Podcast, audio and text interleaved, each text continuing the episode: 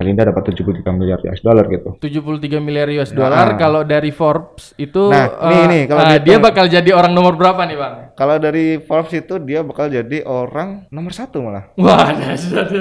Orang terkaya dunia. Padahal posisi di tahun 2019 itu Mackenzie Scott itu menjadi wanita dengan kekayaan terbanyak di dunia tahun itu. Iya waktu itu. Waktu Ah, itu. Hmm. Waktu itu benar.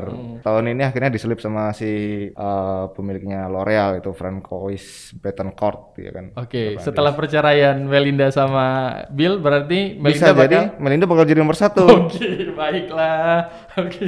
Jadi itu tuh unik ya. Jadi ketika orang bercerai tapi dia malah kayak ya itu Jadi nggak kayak, tahu lah ya. kayaknya ya gimana ya? Ah. Apakah ini menjadi harapan banyak orang, Bang? Jangan Nggak dong. Masa ya bercerai bos? Jangan dong. Jaga dia. Mereka ini adalah dua dari sedikit banyak orang yang bercerai bukan gara-gara masalah ekonomi, Bang. Bukan, iya.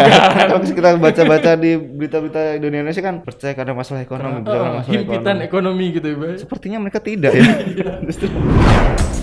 This is Voice of Karet.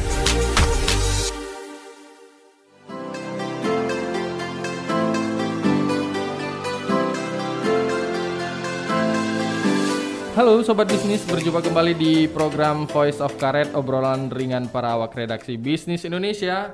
Tentunya yang disiarkan langsung dari markas besar kami di Karet Tengsin.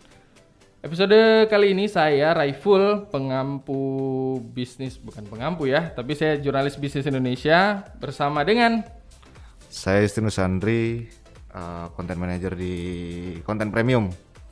Jadi konten berbayar buat bisnis.com gitu mas. Oke, hari ini kita berarti membahas soal yang premium dong bang. Ayo, i bener banget. Iya, ada apa nih bang di premium nih bang? Nggak kebetulan kan berapa berapa hari eh baru kemarin sih ya kan kita ada kabar yang cukup menggemparkan ya tapi dengan skalanya dunia kan global Skalanya itu. dunia bener. Iya kan. Si Bill Gates bercerai dengan istrinya si Melinda Gates ya. Benar. Tapi kita sebenarnya kali ini kita nggak membahas soal perceraiannya ya bang. Iya, iya, Tapi benar, benar. dampak perceraiannya itu. Iya benar. Karena yang eh, kayaknya eh, bisnis Indonesia cuma juga salah satunya yang membahas tentang dampak perceraiannya itu loh bang. Karena mereka nggak hanya berpisah tapi rupanya meninggalkan Cerita sendiri ya. Iya. Apa itu bang ya? Jadi kan yang jadi sorotan kan karena Bill Gates dan Melinda Gates ini kan selain mereka adalah penemu si Bill Gatesnya ya, si foundernya Microsoft, karena keduanya ini orang kaya dunia gitu. Jadi kan eh, semua orang pasti kalau ada tokoh yang punya kekayaan tinggi itu pasti jadi sorotan utama ya. Nah ini kan jadi jadi seru juga gitu kalau dibahas gitu kan. Benar, benar. Karena kan sebelum sebelum eh, adanya perceraian antara Melinda Gates itu ada beberapa perceraian yang juga melibatkan para konglomerat ya bang ya Iya, di benar, benar. dunia. Di dunia, Nah dampaknya rupanya perceraian ini membuat si apa ya gimana cara bilangnya ya Eh, pasangan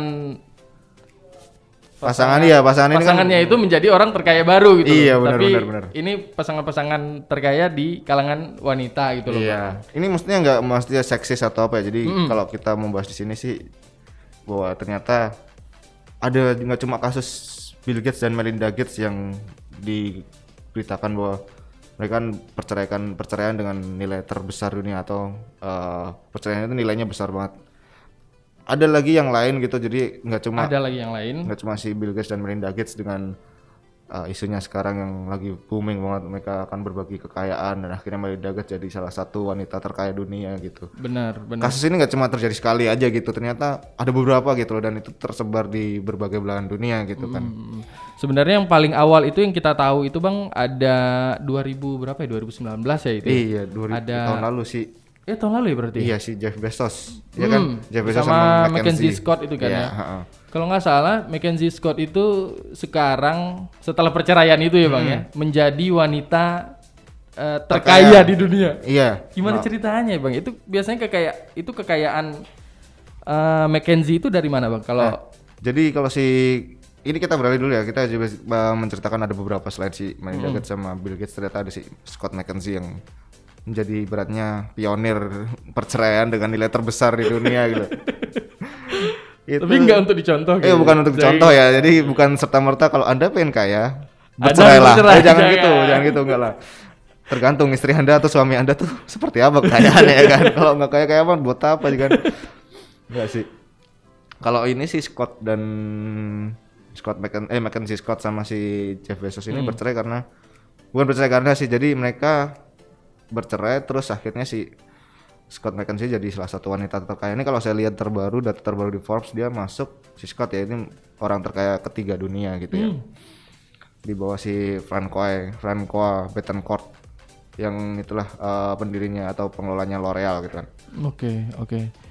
Nah, kalau kekayaan dari si Scott ini lebih mudah di track karena dia dapatkan kekayaannya itu setelah bercerai dan akhirnya ada pembagian harta ya antara dua dua mereka. Nah, pembagian hartanya itu dalam bentuk salah satunya saham dari Amazon. gitu. Amazon betul. Kalau nggak salah itu eh, Scott apa? em, Mackenzie Scott dapat eh, empat persen saham ya bang. Iya, 4% Itu saham. nilainya Itu aja udah wah banget itu bagi dia kan akhirnya. eh kalau dihitung lembarnya 19,7 juta lembar US saham dollar. Amazon, bukan 19,7 juta lembar saham. lembar saham. Uh. Nah, waktu mereka bercerai, awal nih Hmm. kekayaannya si siapa si Scott McKenzie ini udah 36 miliar US dollar. Waduh. Nah, karena pandemi ini nih, pandemi ini kan Amazon jadi nilainya jadi naik tinggi kan sahamnya kan dan mau tidak mau akhirnya itu juga berdampak kepada si Scott kekayaannya gitu. Jadi Jadi naik berapa, Naik tuh jadi 53 miliar US dollar. Iya, gimana ya kita membayangkan 53 miliar aja itu nggak kebayang gitu. Jadi ya, Bang. ibaratnya dalam waktu setahun bercerai dia kekayaannya udah berlipat gitu ya. Tapi di samping karena ada apa? Karena ada perbagian saham itu tadi memang si Scott ini dia punya lembaga filantropi sendiri. Jadi dia tuh dia bergabung di The Giving Pledge. Jadi dia aktif lah untuk menyumbang-nyumbangkan duit. Jadi kalau orang-orang bilang kan berdermalah maka kamu akan diganti ganjar oleh Tuhan. Itu Kayaknya bener banget bener. itu terjadi Iya, ini dia sama dia. Terbukti dia tahun ini Terbukti. naik belasan miliar US dollar. Dia tahun lalu nyumbangin 1,7 miliar. Dapatnya Dapatnya ini tahun lalu jadi dari 36 miliar US dollar jadi Bener ya? 53 miliar US dollar. Gitu kan. sesuatu yang nggak bohong kayaknya Ya benar tuh. bohong itu. Ini kan menarik ya, mesti kayak bahwa setelah bercerai ternyata tidak serta merta Menjadi miskin. menjadi ya ah, gitu kan dari terus dia nggak bisa apa-apa ternyata dia tetap kaya juga gitu kan menarik ya Oke. Nah, tahun ini Bang, ada juga kan tahun ini ada juga bukan tahun ini, baru-baru ini kan. Hmm. pe- perceraian antara Bill Gates dan Melinda Gates. Hmm. Eh, orang banyak tahu, kita ketahui bahwa Melinda Gates dan Bill Gates itu sama-sama punya yayasan yang mereka emang kerja bersama di situ dan itu berkembang bersama juga. Hmm. Gimana ya kalau Melinda Gates ini udah ada belum bang hitung-hitungan berapa yang mereka berapa Melinda Gates dapat dari perceraian keduanya? Nah, kalau si apa Melinda Gates balik lagi ya kita ngomongin Melinda Gates dan Bill Gates itu tadi.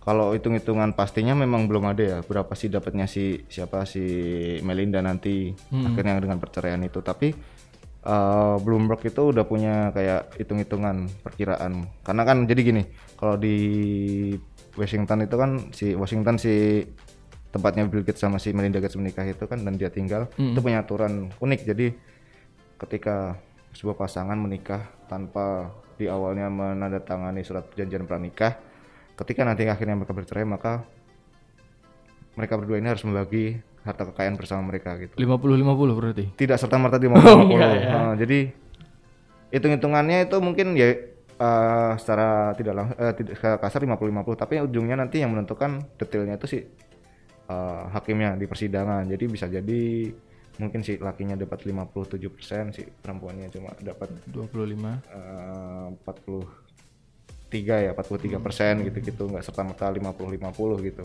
Oke, artinya akan ditentukan hmm. sama pengadilannya sendiri gitu ya hmm. bang. Ya, nah kalau iya, ini iya, si iya. Bloomberg ini punya punya simulasi hitung-hitungan bahwa berapa sih nanti si Melinda Gates punya kekayaan setelah bercerai gitu. Hmm. Nah kalau dari situ tadi dihitung-hitung si Melinda ini bakal punya kekayaan 73 US dollar eh 73 miliar US dollar ketika dia bercerai nanti. Bayangin tuh, baru bercerai aja udah Baru 73 bercerai miliar. aja udah dapat 73 miliar US dollar. Lebih gede dibandingkan si Scott tadi. Ah, Scott cuma Mackenzie Scott 30-an ya. cuma 53 ya. Ya, itu akhirnya tahun ini jadi 53 setelah Benar. naik ya kan. Ini dia baru awal aja udah 73 miliar apalagi nanti kalau naik dia uh, sahamnya di mana di Microsoft juga naik Microsoft lagi. juga Nah, naik, nah, ya, nah, akan berpengaruh juga ke Karena yang bisa dihitung tuh sejauh ini baru kekayaan dari si Microsoft karena si Bill Gates kan dia juga punya uh, bisnis ataupun dia banyak saham di bisnis tempat-tempat ya, ya. di banyak Hmm. tempat. gitu. Termasuk juga real, dia punya saham di di real estate atau investasi-investasi lain. Mm-mm. Jadi hitung-hitungan kalau di itu tadi yang belum itu bahwa sebenarnya kekayaan dua ini kalau digabungkan tuh 146 miliar US dollar. Jadi kalau dibagi dua, ya si Melinda dapat 73 miliar US dollar gitu. 73 miliar US dollar kalau dari Forbes itu Nah, eh, nih, nih, kalau dihitung- dia bakal jadi orang nomor berapa nih, Bang? Kalau dari Forbes itu dia bakal jadi orang sekarang nomor satu malah Wah, orang terkaya dunia. Padahal eh, posisi tak posisi di tahun 2019 itu Mackenzie Scott itu menjadi wanita dengan kekayaan terbanyak di dunia tahun itu. Iya waktu itu. Waktu Ah, itu. Hmm. Waktu itu benar.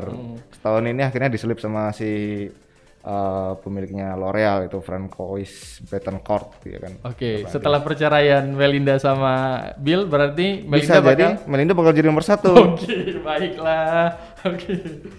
jadi itu tuh unik ya. Jadi ketika orang bercerai tapi dia malah kayak ya itu Jadi nggak kayak, tahu lah ya. kayaknya ya gimana ya? Ah. Apakah ini menjadi harapan banyak orang, Bang? Jangan Nggak dong. Masa ya bercerai bos? Jangan dong. Jaga dia. Karena berarti mereka ini adalah dua dari sedikit banyak orang yang bercerai bukan gara-gara masalah ekonomi, Bang. Bukan, iya. Kalau kita baca-baca di berita-berita Indonesia kan percaya karena masalah ekonomi, Oh, masalah himpitan ekonomi. ekonomi gitu ya. Sepertinya mereka tidak ya. Justru mereka mencari kekayaan ya. Oh iya, enggak makanya, Bang. Ini menabrak tren, Bang. Waduh. Membuat tren-tren baru kali ya. Bisa nggak ya? Itu mempengaruhi taipan-taipan lain. Tapi ini tadi uniknya bahwa ketika ada isu perceraian ini, sahamnya Microsoft langsung anjok nih hari ini. Hmm. Jadi ya tapi kan itu mungkin hanya sentimen sementara ya. Ketika nanti kan orang pasti kalau untuk berinvestasi yang dipahami dilihat adalah fundamentalnya bukan karena sentimen. Yang sebenarnya bukan sentimen, oh, bukan sentimen fundamental antara si Melinda dan Bill Gates kan gitu kan. Itu kan uh, sentimen luar lah gitu eksternal gitu nggak terkait kinerja perusahaannya sendiri gitu. Oke. jadi nggak menutup kemungkinan bisa jadi nih si yang terjadi sa Scott McKenzie itu berulang kepada Melinda ketika nanti Microsoft sahamnya naik tajam gitu Oke. Tapi yang eh, yang Melinda dan Gate ini menarik. Mereka kan punya yayasan ya, Bang ya. Tapi setelah perceraian ini, pihak yayasan itu menegaskan bahwa eh, yaya eh, apa ya? Keduanya itu tetap bekerja di yayasan Ya, ini, nggak ah, mengganggu mereka- apa-apa ya. Hmm, mereka tetap profesional bahwa mereka tetap bahwa ya untuk urusan filantropi gitu mereka tetap seperti biasa walaupun mereka sudah tidak berstatus sebagai suami istri gitu. Hmm, ini menarik sih karena kan biasanya eh, adanya perpisahan itu mengganggu pekerjaan-pekerjaan yang lain ya bang, sisi-sisi yang lain. Tapi mereka menegaskan bahwa eh, yayasan filantropi ini nggak akan terpengaruh banyak gitu. Karena kan yayasan ini dia banyak berkontribusi untuk eh, negara-negara berkembang kan, Mbak ya, termasuk untuk kesehatan juga Afrika gitu kan. Hmm, Jadi dia ini salah satu donatur untuk obat-obatan yang di daerah atau bukan di daerah di negara-negara berkembang dan negara tertinggal gitu. Jadi Melinda Gates, eh, yayasan Melinda dan Bill Gates itu salah satu donatur tetap gitu untuk Mm-mm. kegiatan aksi amal ataupun kesehatan di negara-negara berkembang gitu. Jadi ya mereka tetap akan profesional sih menurutku dan apalagi kan si Bill Gates kan juga punya uh, perhatian kuat ke sektor kesehatan ya selain dia memang di teknologi kan. Jadi selama masih berjalan itu nanti ya mungkin kan janjinya dari si petinggi dari yayasan itu mereka tetap akan bekerja sewajarnya gitu lah. Hmm, Oke. Nah, Bang, ini kan mereka Melinda eh Bill Gates dan Melinda Melinda Gates kemudian eh, Jeff Bezos dengan eh, Mackenzie Scott ini kan bukan bukan eh, yang dua pasangan Iya, iya, satu iya. sa- du- apa ya bukan hanya mereka Ah, berdua enggak, gitu ya enggak, yang bercerai kemudian menciptakan sebuah kekayaan baru gitu loh. Ada orang-orang lain kan, Bang? Ada Siapa orang ya, Bang? jadi kalau ini kan kemarin coba kalau teman-teman ini dengerin silakan baca juga di konten premium ya jadi kita bahas bahas cukup lengkap nih bahwa ada beberapa taipan itu yang mereka bercerai tapi tetap membagi kekayaannya dengan baik terutama dan wanitanya jadi kaya gitu kan Nah, itu ada satu tuh namanya pasangan pasangan eh istrinya dari Farhad Ahmedov itu adalah salah satu miliarder Rusia. Tapi dia ini turunan Azerbaijan. Jadi dia ini punya usaha di sektor teknologi sama minyak di sana. Jadi ya jadi mereka dia selain jadi politisi dia jadi miliarder juga kan di sana. Oke. Nah, sekitar tahun 2016 kalau nggak salah ya, itu mereka bercerai. Si siapa? Farhad Ahmedov dengan istrinya itu namanya Tatiana Ahmedova. Mereka bercerai, terus mereka akhirnya di eh, melakukan sidang gugatan cerai itu di di Inggris di Wales. Eh, Wales kok Wales lagi. Di Wales. Nah dari putusan sidang itu si em, hakimnya memutuskan bahwa si Tatiana Ahmedova istrinya si mantan istrinya Farhad Ahmedova itu mendapatkan 41,5% dari kekayaan mantan suaminya. Waduh, itu nilainya berapa bang? 2016 kalau ditaksir waktu itu 1 miliar US dollar. Nah Wow.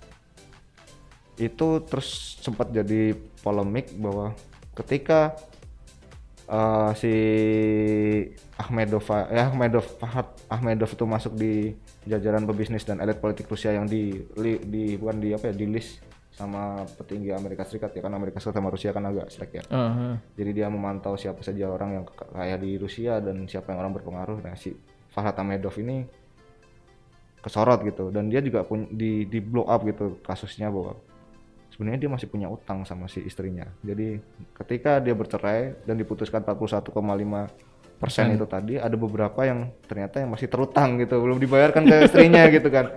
Berapa nilainya bang? Waktu itu kalau di ini udah dihitung persen eh, dihitung tahun 2018 itu jadi 453 juta US dollar.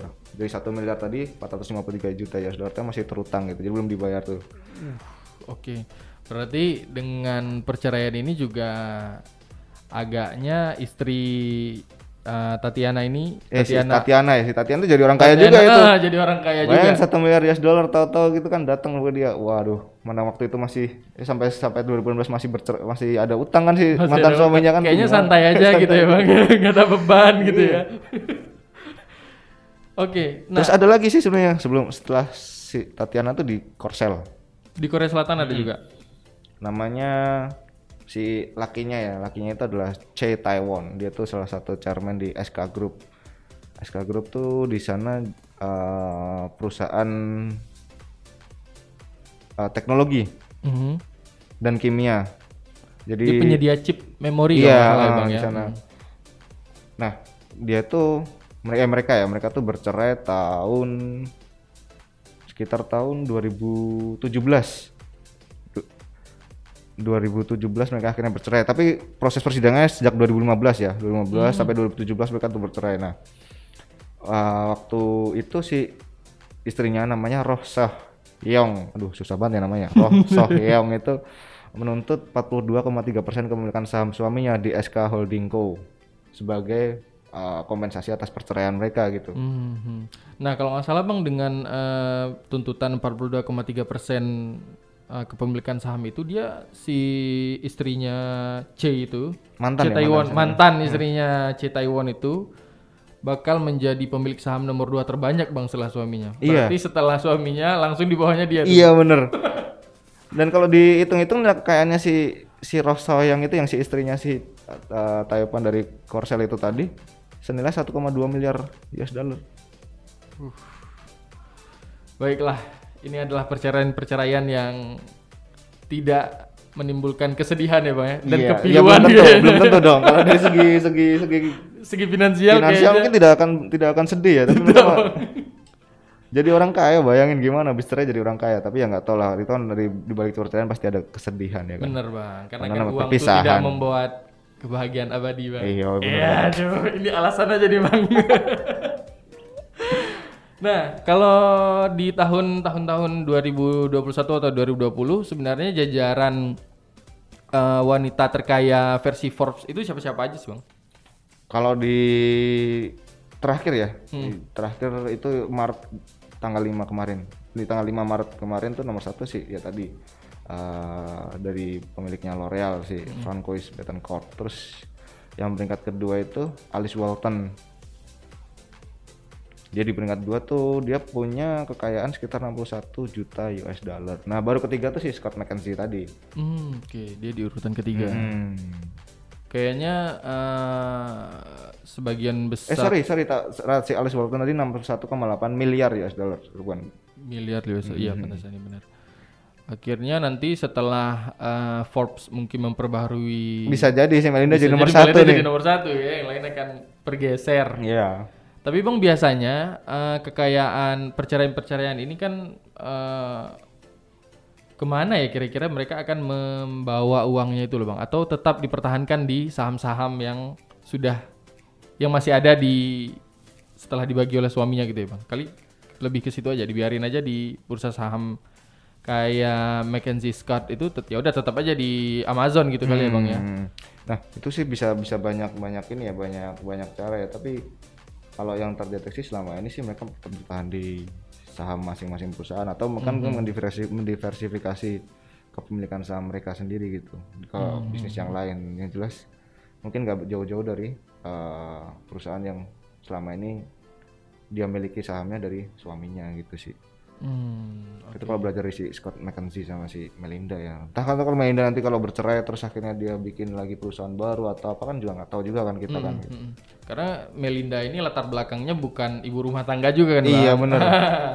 Dia ini eh, kalau nggak salah merupakan salah satu manajer di Microsoft. Iya. Ah. dan em, pertemuan Bill eh, Bill Gates dan juga Melinda ini juga ketemunya pas sama-sama di Microsoft. Ya, nah untuk kemungkinan mungkin jadi bisa jadi nanti dia mengembangkan di sektor teknologi lagi gitu, bisa investasi di tempat lain gitu ya. Mhm. Berbeda dengan eh, sepertinya kayak Tatiana Medova ini itu. kayaknya ya udah santai aja ya bang ya nikmatin aja kayaknya. Dia jadi sosialita ini loh di Rusia loh, salah satu sosialita terkaya di Rusia loh dia tuh si Oh. Tatiana Akhmedova itu. Oke. Ini menarik bang dari beberapa perceraian itu kan eh, melibatkan pengadilan ya bang ya. Nah salah satunya itu kan yang yang paling mudah kita sorotin itu perceraian eh, Bill Gates dan Melinda Gates karena itu kan menyangkut dengan aturan di Washington ya bang ya. Iya. Itu eh, seberapa banyak negara yang mengatur soal gitu-gitu ya kira-kira ya? Kalau itu sih sejauh ini yang yang sangat kelihatan tuh ya memang di di Amerika Serikat. Tapi khusus itu kan tergantung negara bagian sendiri-sendiri yang selama ini yang setahu aku sih Washington. Kalau di Korea Selatan itu setahu aku juga memang ada ada ada aturan bahwa mereka harus membagi harta gono gini dengan baik gitu kan.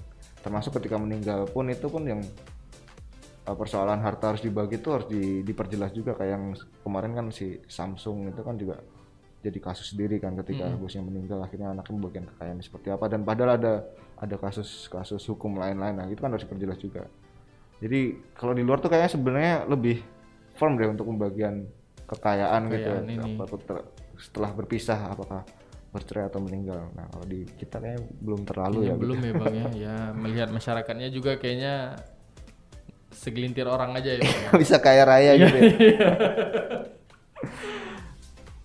Oke, mungkin selain itu mungkin uh, yang menarik kalau dari perceraian ini sih uh, bahwa nggak selamanya ya bahwa orang kaya itu mereka akan terus terus bahagia dengan kekayaan mereka gitu. Kekayaan kan. mereka benar. Heeh. Karena membingungkan kalau bahasa anak sekarang kan memba- membagongkan ya bang ya. Waduh, ada pernikahan, ada maksudnya orang orang kaya tapi memilih untuk berpisah, sedangkan Hmm. banyak orang yang mengimpikan menjadi seorang konglomerat gitu kali Iya, ya. Bang, ya. benar. Nah, Kenapa nggak ada kalau lebih ke gosip-gosipnya nggak ada kali ya bang ya? Janganlah kita nggak perlu kayak gitu ngomongin gosip gitu kan ini kan walaupun memang ada ya katanya ada mantan kekasihnya Bill Gates kisah cinta dan lain-lain itu orang-orang itu kayaknya nggak usah deh itu terlalu luas nanti kalau kita ngomongin gosip-gosip gitu ya. Iya, nggak cocok di bisnis Indonesia kali ya bang.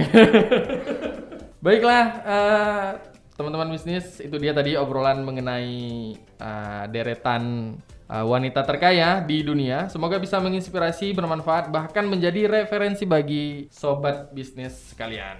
Ya, pokoknya kalian eh, jangan lupa dengar terus broadcast podcastnya Bisnis Indonesia, serta jangan lupa like dan follow broadcast di Spotify, juga follow Instagram broad.